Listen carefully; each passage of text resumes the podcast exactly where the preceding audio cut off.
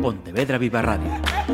Cara a cara. Damas y caballeros, la Asociación de Directores de Informativos de Radio y Televisión da la bienvenida a Mauro Lomba. Volvemos a tener eh, ante los micrófonos de Pontevedra Viva a una persona que ya pasó por aquí, mm, por lo menos, por lo menos yo recuerdo un, un par de veces, y la memoria, memoria no me falla. Una persona con muchísimas inquietudes eh, culturales, arquitecto de profesión, que tiene alguna cosa interesante que contarnos, más, más, de una. Pero lo primero lo voy a saludar. ¿Qué tal, Mauro? Bienvenido de nuevo. Hola, Marisa. Buenos días. Gracias. Lo primero de todo, mm, para situar a quienes nos estén escuchando, esto lo estamos grabando a pie de mm, viernes 9 de diciembre y mañana sábado tienes una conferencia en Nemonon. Sí. Ese espacio cultural en esta ciudad eh, que surgió de la mano de Mauro hace 10 años. Pues sí, ya, ya hace 10 años el tiempo pasa muy rápido y fue una década donde hubo muchísimos cambios a nivel mundial. Uh -huh, sin duda alguna. Este espacio, mañana sábado a mediodía, va a coger una conferencia organizada por el Ateneo, ¿no? Sí. Eh, Con dos elementos para ti fundamentales, arte y naturaleza. Cuéntanos. Sí. Bueno, es un ciclo que organiza el Ateneo de Pontevedra eh, sobre arte y naturaleza, donde distintos eh, profesionales de distintas disciplinas creativas y culturales pues vamos a participar en ese ciclo y, y inicio yo con una charla sobre arquitectura y naturaleza. Eh, le he puesto por título que, la, que le, frente a la duda eh, o, o, para las ideas, la naturaleza tiene todas las respuestas. Uh -huh. A las 12 del mediodía. Pues sí. ¿Qué va a pasar en Nemonon después de esta charla, Mauro? Qué fácil es preguntar cuando se sabe la respuesta, ¿verdad? Bueno, a ver, eh, en primer lugar, eh, pues vamos a intentar disfrutar con la, con la charla. Eh, es curioso que durante los 10 años, aunque he participado en muchos eh, eventos culturales allí y participado pues, en mesas redondas o presentando a, a muchísima gente y disfrutando de, de, más de 300 eventos culturales. Caramba. Que han acogido muchísimas disciplinas, desde la poesía, la literatura, la gastronomía, la moda, la música, la pintura, la escultura, la arquitectura. Verdaderamente han, han ocurrido allí cosas eh, preciosas que, que, me han enriquecido y que me han ayudado a, a avanzar en mi disciplina, que es la, la arquitectura. La arquitectura ¿no?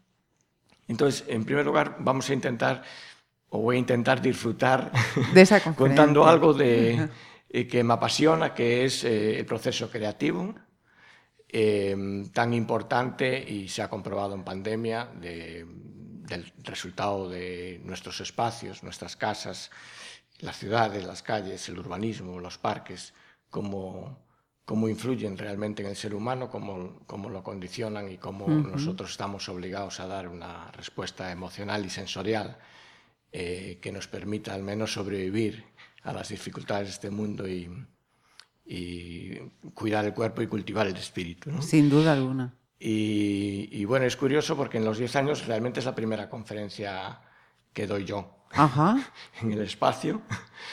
Y siendo, bueno, pues el tema relacionado con la arquitectura y, y, y dada por mí, ¿no? Uh -huh. Y mm, es un poco, es un poco también coincide, coincide eh, que realmente es una charla que, que, en la que voy a contar que inicio un nuevo proyecto y que, no sé, siento que hay un cambio de, ciclo y que aunque yo estoy feliz con lo que ha ocurrido en el espacio Nemonón y, y con todo lo que he hecho a pesar de las dificultades, también he disfrutado con, encontrando muchísimos amigos y gente del mundo de la cultura que me ha ayudado.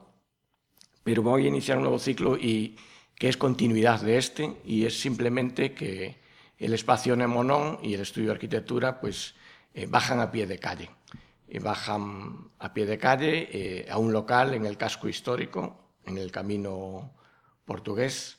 Eh, todavía no puedo decir exactamente la ubicación porque uh -huh. estoy en negociaciones, pero digamos que mm, pues voy a ser eh, un artesano más en el comercio local, un artesano de la arquitectura y de la cultura, donde tengo la sensación o la impresión de que eh, la cercanía con, con, la calle pues eh, me va a dar nuevas energías eh, y a revitalizar y a permitir hacer pues encuentros más cercanos ¿no? con, con, la gente. Habrá quien diga, bueno, es algo sencillo. Pero lo primero, no se, no se le ha ocurrido a nadie. Y lo segundo, eh, ese concepto, ¿te lo trajiste? ¿Lo tenías tú ya en mente? Me decías de cuando Carmen, tu mujer, y tú habéis vivido en Francia.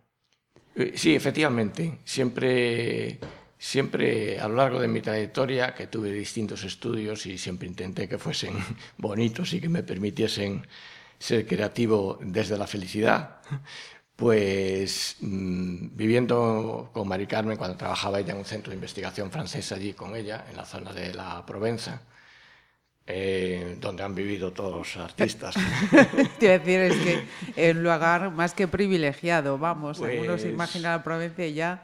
Yo creo pues, que inspira nada sí, más que el nombre. Sí. Allí, bueno, había una cosa que me gustaba mucho y es la cercanía eh, de los profesionales liberales de muchísimas disciplinas, pero los arquitectos sobre todo, en Centro Europa están a pie de calle y están en un local más donde cualquier persona puede entrar y ver cómo se hacemos una maqueta o cómo de alguna forma pues eh, desarrollamos un proyecto y donde se puede con, conversar y, y, es una forma también de acercar lo que es eh, la profesión del arquitecto a, a cualquier persona eh, que aunque parezca mentira estamos eh, muy alejados muy alejados de, de, lo que la gente cree en general que somos un ar, los arquitectos ¿no? Uh -huh. en Galicia especialmente eh, y de hecho se ve en las cosas que ocurren, que se desarrolla. Aquí hay mucho la frase de isto é meu e fago que me da gana uh -huh. y los arquitectos tenemos que transmitir que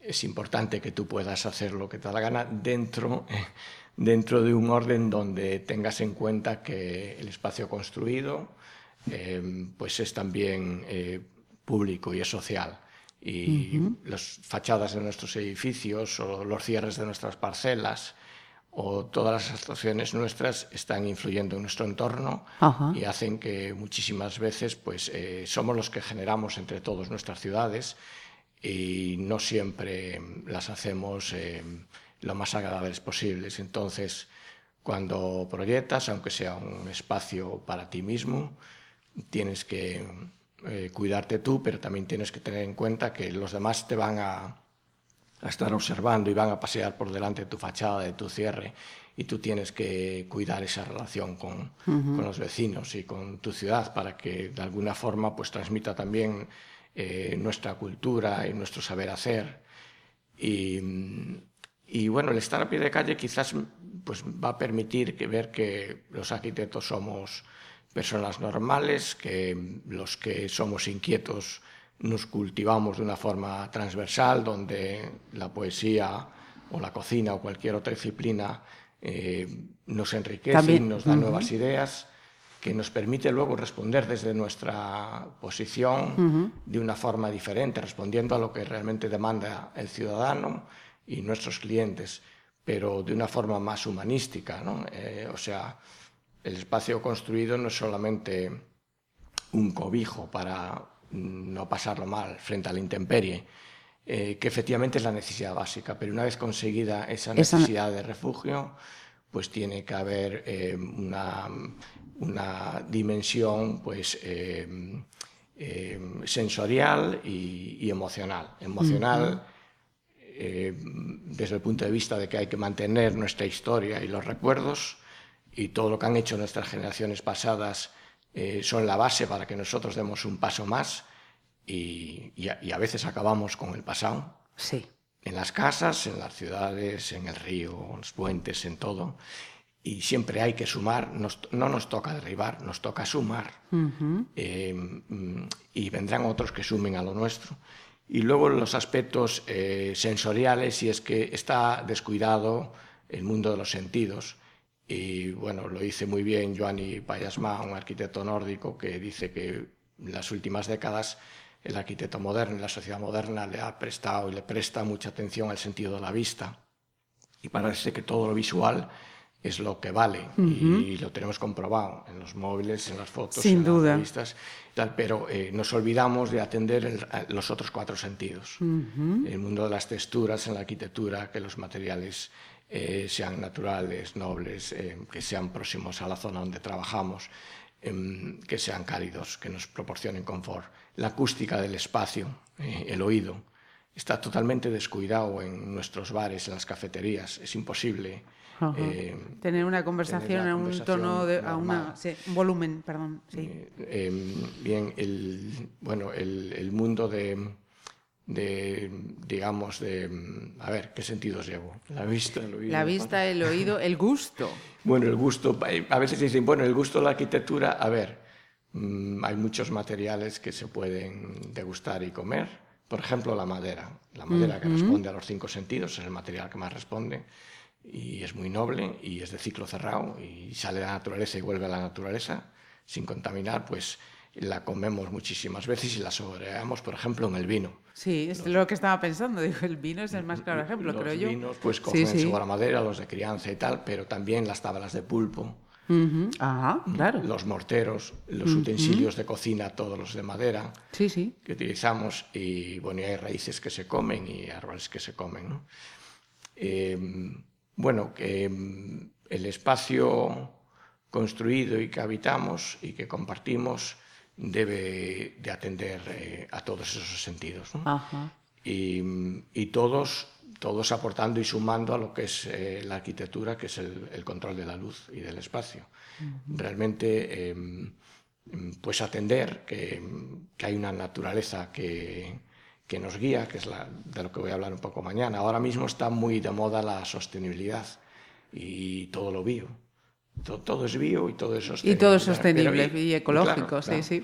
Y Realmente la, la naturaleza mm, ha sido sostenible siempre, desde que apareció. Y la arquitectura vernácula y tradicional, pues, eh, ha sido sostenible.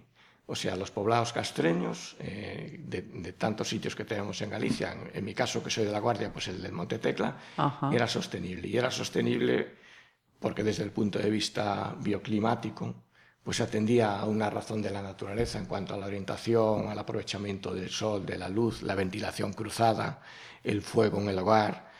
Mm, Atendía también a la bioconstrucción, la utilización de materiales del lugar, la piedra, la paja, la madera, las conchas de los crustáceos. Y eh, la única diferencia con respecto a hoy en día es que eh, hemos alcanzado con el desarrollo tecnológico un nivel de confort tan alto que necesitamos de los nuevos materiales y las nuevas tecnologías que digamos que suman y complementan la bioconstrucción y la arquitectura bioclimática. Pero esas dos primeras partes son gratuitas, la arquitectura bioclimática y la bioconstrucción. Y ya eran bios hace miles Desde, de años. sí. Entonces, em, que ahora mismo se ha avanzado mucho en muchísimos aspectos y que hay instalaciones muy sofisticadas que suman, sí, pero primero hay que utilizar lo que, lo que es gratis y lo que es más sostenible, que está ahí. Y bueno, pues ese concepto pues hay que llevarlo a, a nuestras Al- cabañas, a nuestras casas, a los pisos. Em, la gente ha descubierto con la pandemia algo que estaba ahí presente y es la, la- la enfermedad del espacio. Le llamo yo. Sí. Mm, Mira, no lo había escuchado, pero sí, sí. Bueno, los- pero los- sí, de hecho, cuando, habla, cuando comentabas antes eh, ese ejemplo de, de- de este arquitecto, lo decía, ya lo creo, que ese, ese concepto de, de- del espacio sí que nos cambió efectivamente con todo esto de, de la pandemia, sin duda alguna. Pues mira, me ha gustado esa- ese concepto. De hecho, los, a- los arquitectos, eh, muchos no, no- no lo saben todavía, pero los arquitectos somos los médicos del espacio. Ajá. Curamos del mal de espacio. Y muchas veces la gente no va a trabajar o tiene crisis o tiene tal, y, y es por culpa del espacio que habita, que no está bien proyectado, bien diseñado. O, por ejemplo, es culpa de la luz que utiliza en su, en su casa o en su piso. Ahora mismo están muy de modas, eh, la gente cambia las bombillas y las luminarias por LED, claro, el Sí. LED consume muy poco y tal. Entonces se va a algunas empresas, que no voy a decir, pero em, grandes almacenes donde compra las luces que vienen, pero que no tienen en cuenta la temperatura de color, entonces las compran muy blancas, muy blancas, luces de hospital, luces de trabajo. Y claro, cuando llegan a casa después de trabajar a las 8 de la tarde y llega tu pareja, tu mujer o los niños y todo el mundo excitado, pues todavía más excitados porque el piso es un estadio, un campo de fútbol.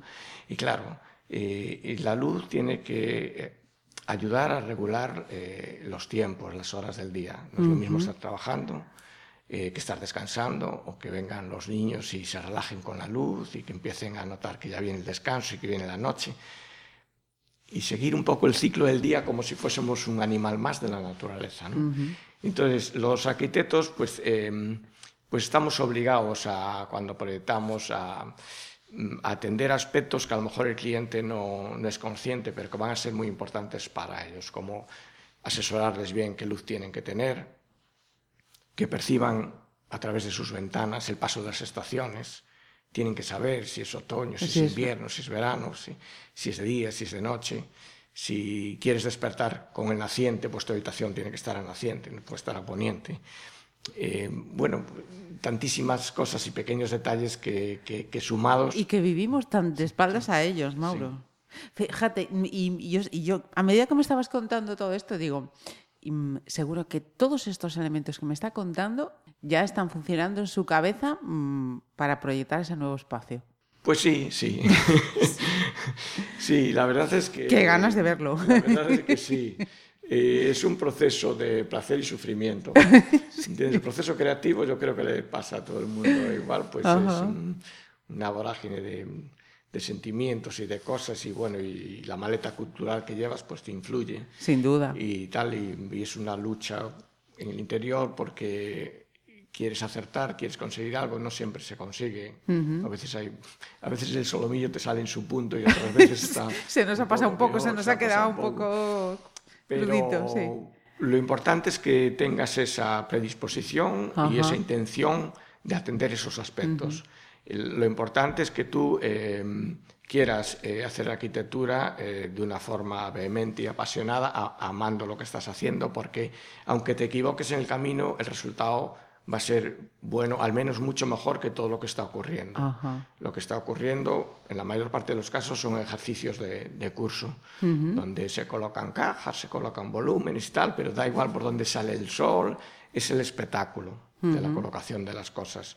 Y, y, eso no es la arquitectura. Por supuesto que, que la arquitectura, digamos, y de los mm, grandes empresarios de la arquitectura que todos conocemos, nombres muy tal, eh, pues es espectacular y es necesaria para que a nivel divulgativo pues eh, la gente se fije en que hay una arquitectura diferente y tal. Pero luego la, la, verdadera, la buena, es una arquitectura eh, sencilla que a veces pasa desapercibida, pero que a todo el mundo le ocurre que cuando está en ese espacio, en esa calle y se le erizan los pelos, el vello, y tú dices, aquí hay algo, que no sé lo que es. Aquí algo pasa. Eso, es la arquitectura.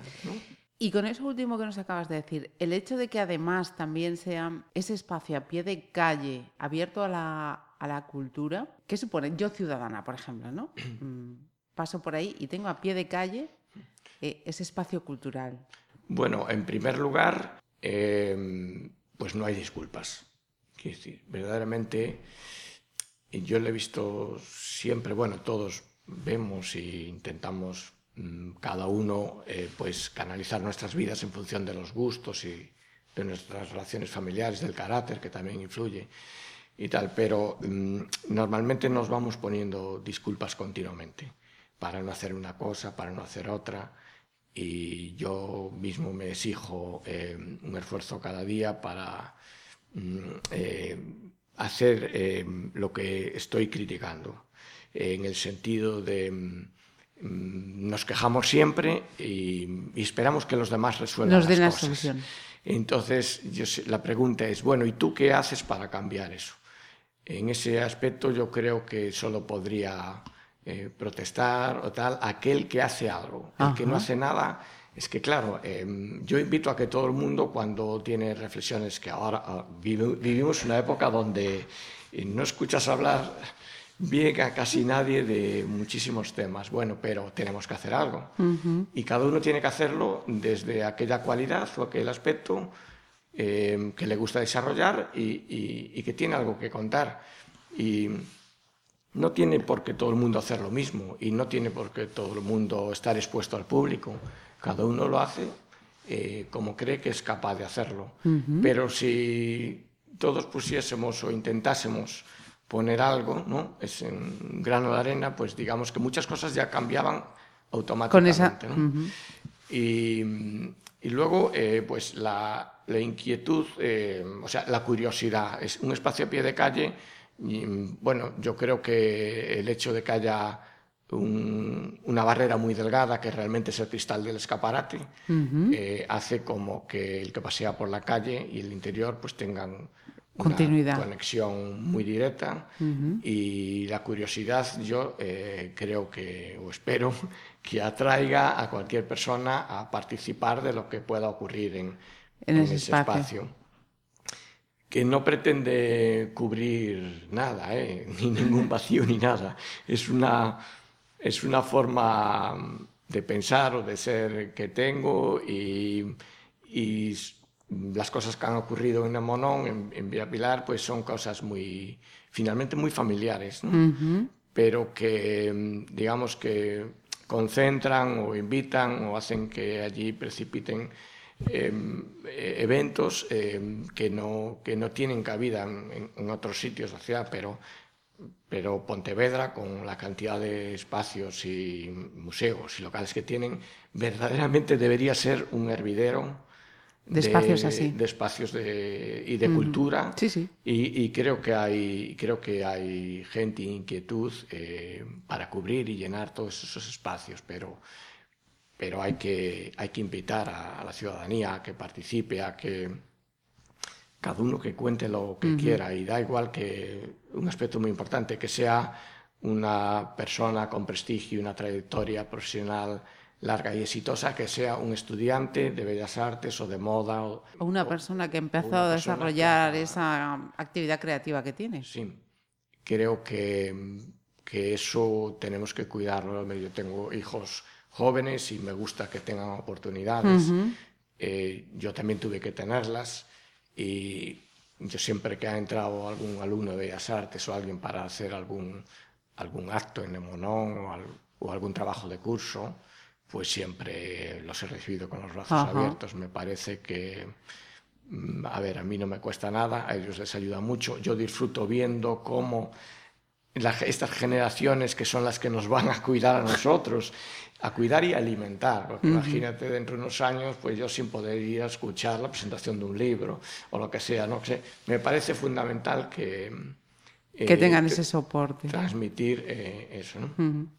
El mundo vuestro, el mundo del periodismo, eh, que tiene tanto que hacer y tal, y que muchas, muchas veces está atrapado atrapado por, por, por, movimientos que le impiden también tener toda la libertad necesaria. Eh, yo creo que cada uno, con pequeñas cosas, mm. tiene que reivindicar desde ese espacio lo que le toca. ¿Y va a mantener el nombre o lo va a cambiar, Mauro? No, no, el nombre lo mantiene. El nombre lo mantiene, sí, sí. vale, o sea, va a seguir siendo sí, Nemonon. Sí, va a seguir siendo Nemonon, quizás ahora ya eh, Eh, Nemo non, realmente es nemo, non? Que son dos palabras latín. Nemo es nada y non es la negación de la nada, que es todo. Uh -huh. Todas las artes, todos los sentidos, todo el mundo puede participar. Eso es lo que es el nombre de Nemo, non? Y Nemo non, acentuado en la O, aunque nunca se lo hemos puesto. Eh, que yo sí, yo se lo he puesto muchas veces, muchas de veces. hecho, sí, sí, sí, sí. Bueno, pues ese acento surgió simplemente por la gracia de aquellos movimientos del que hubo épocas donde non, non, non y todo era sí, non. Sí. Yo soy positivo, yo soy de sí, sí, sí, pero realmente... Me lo tengo que hacer mirar. y ahora mismo el Nemo Non, pues, eh, pues va a ser Nemo Non, que también es muy bonito. Ajá. Y no, continúa siendo el mismo proyecto, simplemente uh -huh. que si, digamos que se va a adaptar con un traje... Se va a acercar. acercar con un traje nuevo y no sé, uh -huh. no sé lo que va a ocurrir, me lo imagino parecido, sencillo, también va a depender un poco de la capacidad de espacio, en el sentido de que, bueno, pues es un, son espacios pequeños, pero eh, a mí también me parecen suficientes para que la, la propuesta sea una propuesta eh, familiar. A veces recuerdo en la época de principio del siglo pasado, todos hemos leído, en el caso de Pontevedra, por ejemplo, Las Mendoza o el Palacete de Sí. las Mendoza, ¿no? Ajá. Como las señoras, a través de su interés cultural y el mundo de la música, el piano, tal, organizaban unas Eran centros tertulias culturales, sí, sí. magníficas. ¿no? O, por ejemplo, el Carabela, donde 11, 12, 15 personas, pues lo, ha, funcionado en la- las tertulias toda la vida, Sí, ahora sí. parece que va a empezar de nuevo. O, o en el Café Moderno, las tertulias. Bueno, a, a mí me gusta el mundo de, la- de las tertulias, a mí me gusta hablar, es lo que más me gusta. Mi hobby es estar con gente que tenga cosas que contar Ajá. y hablar, escuchar. No tengo por qué coincidir en las reflexiones ni en el pensamiento.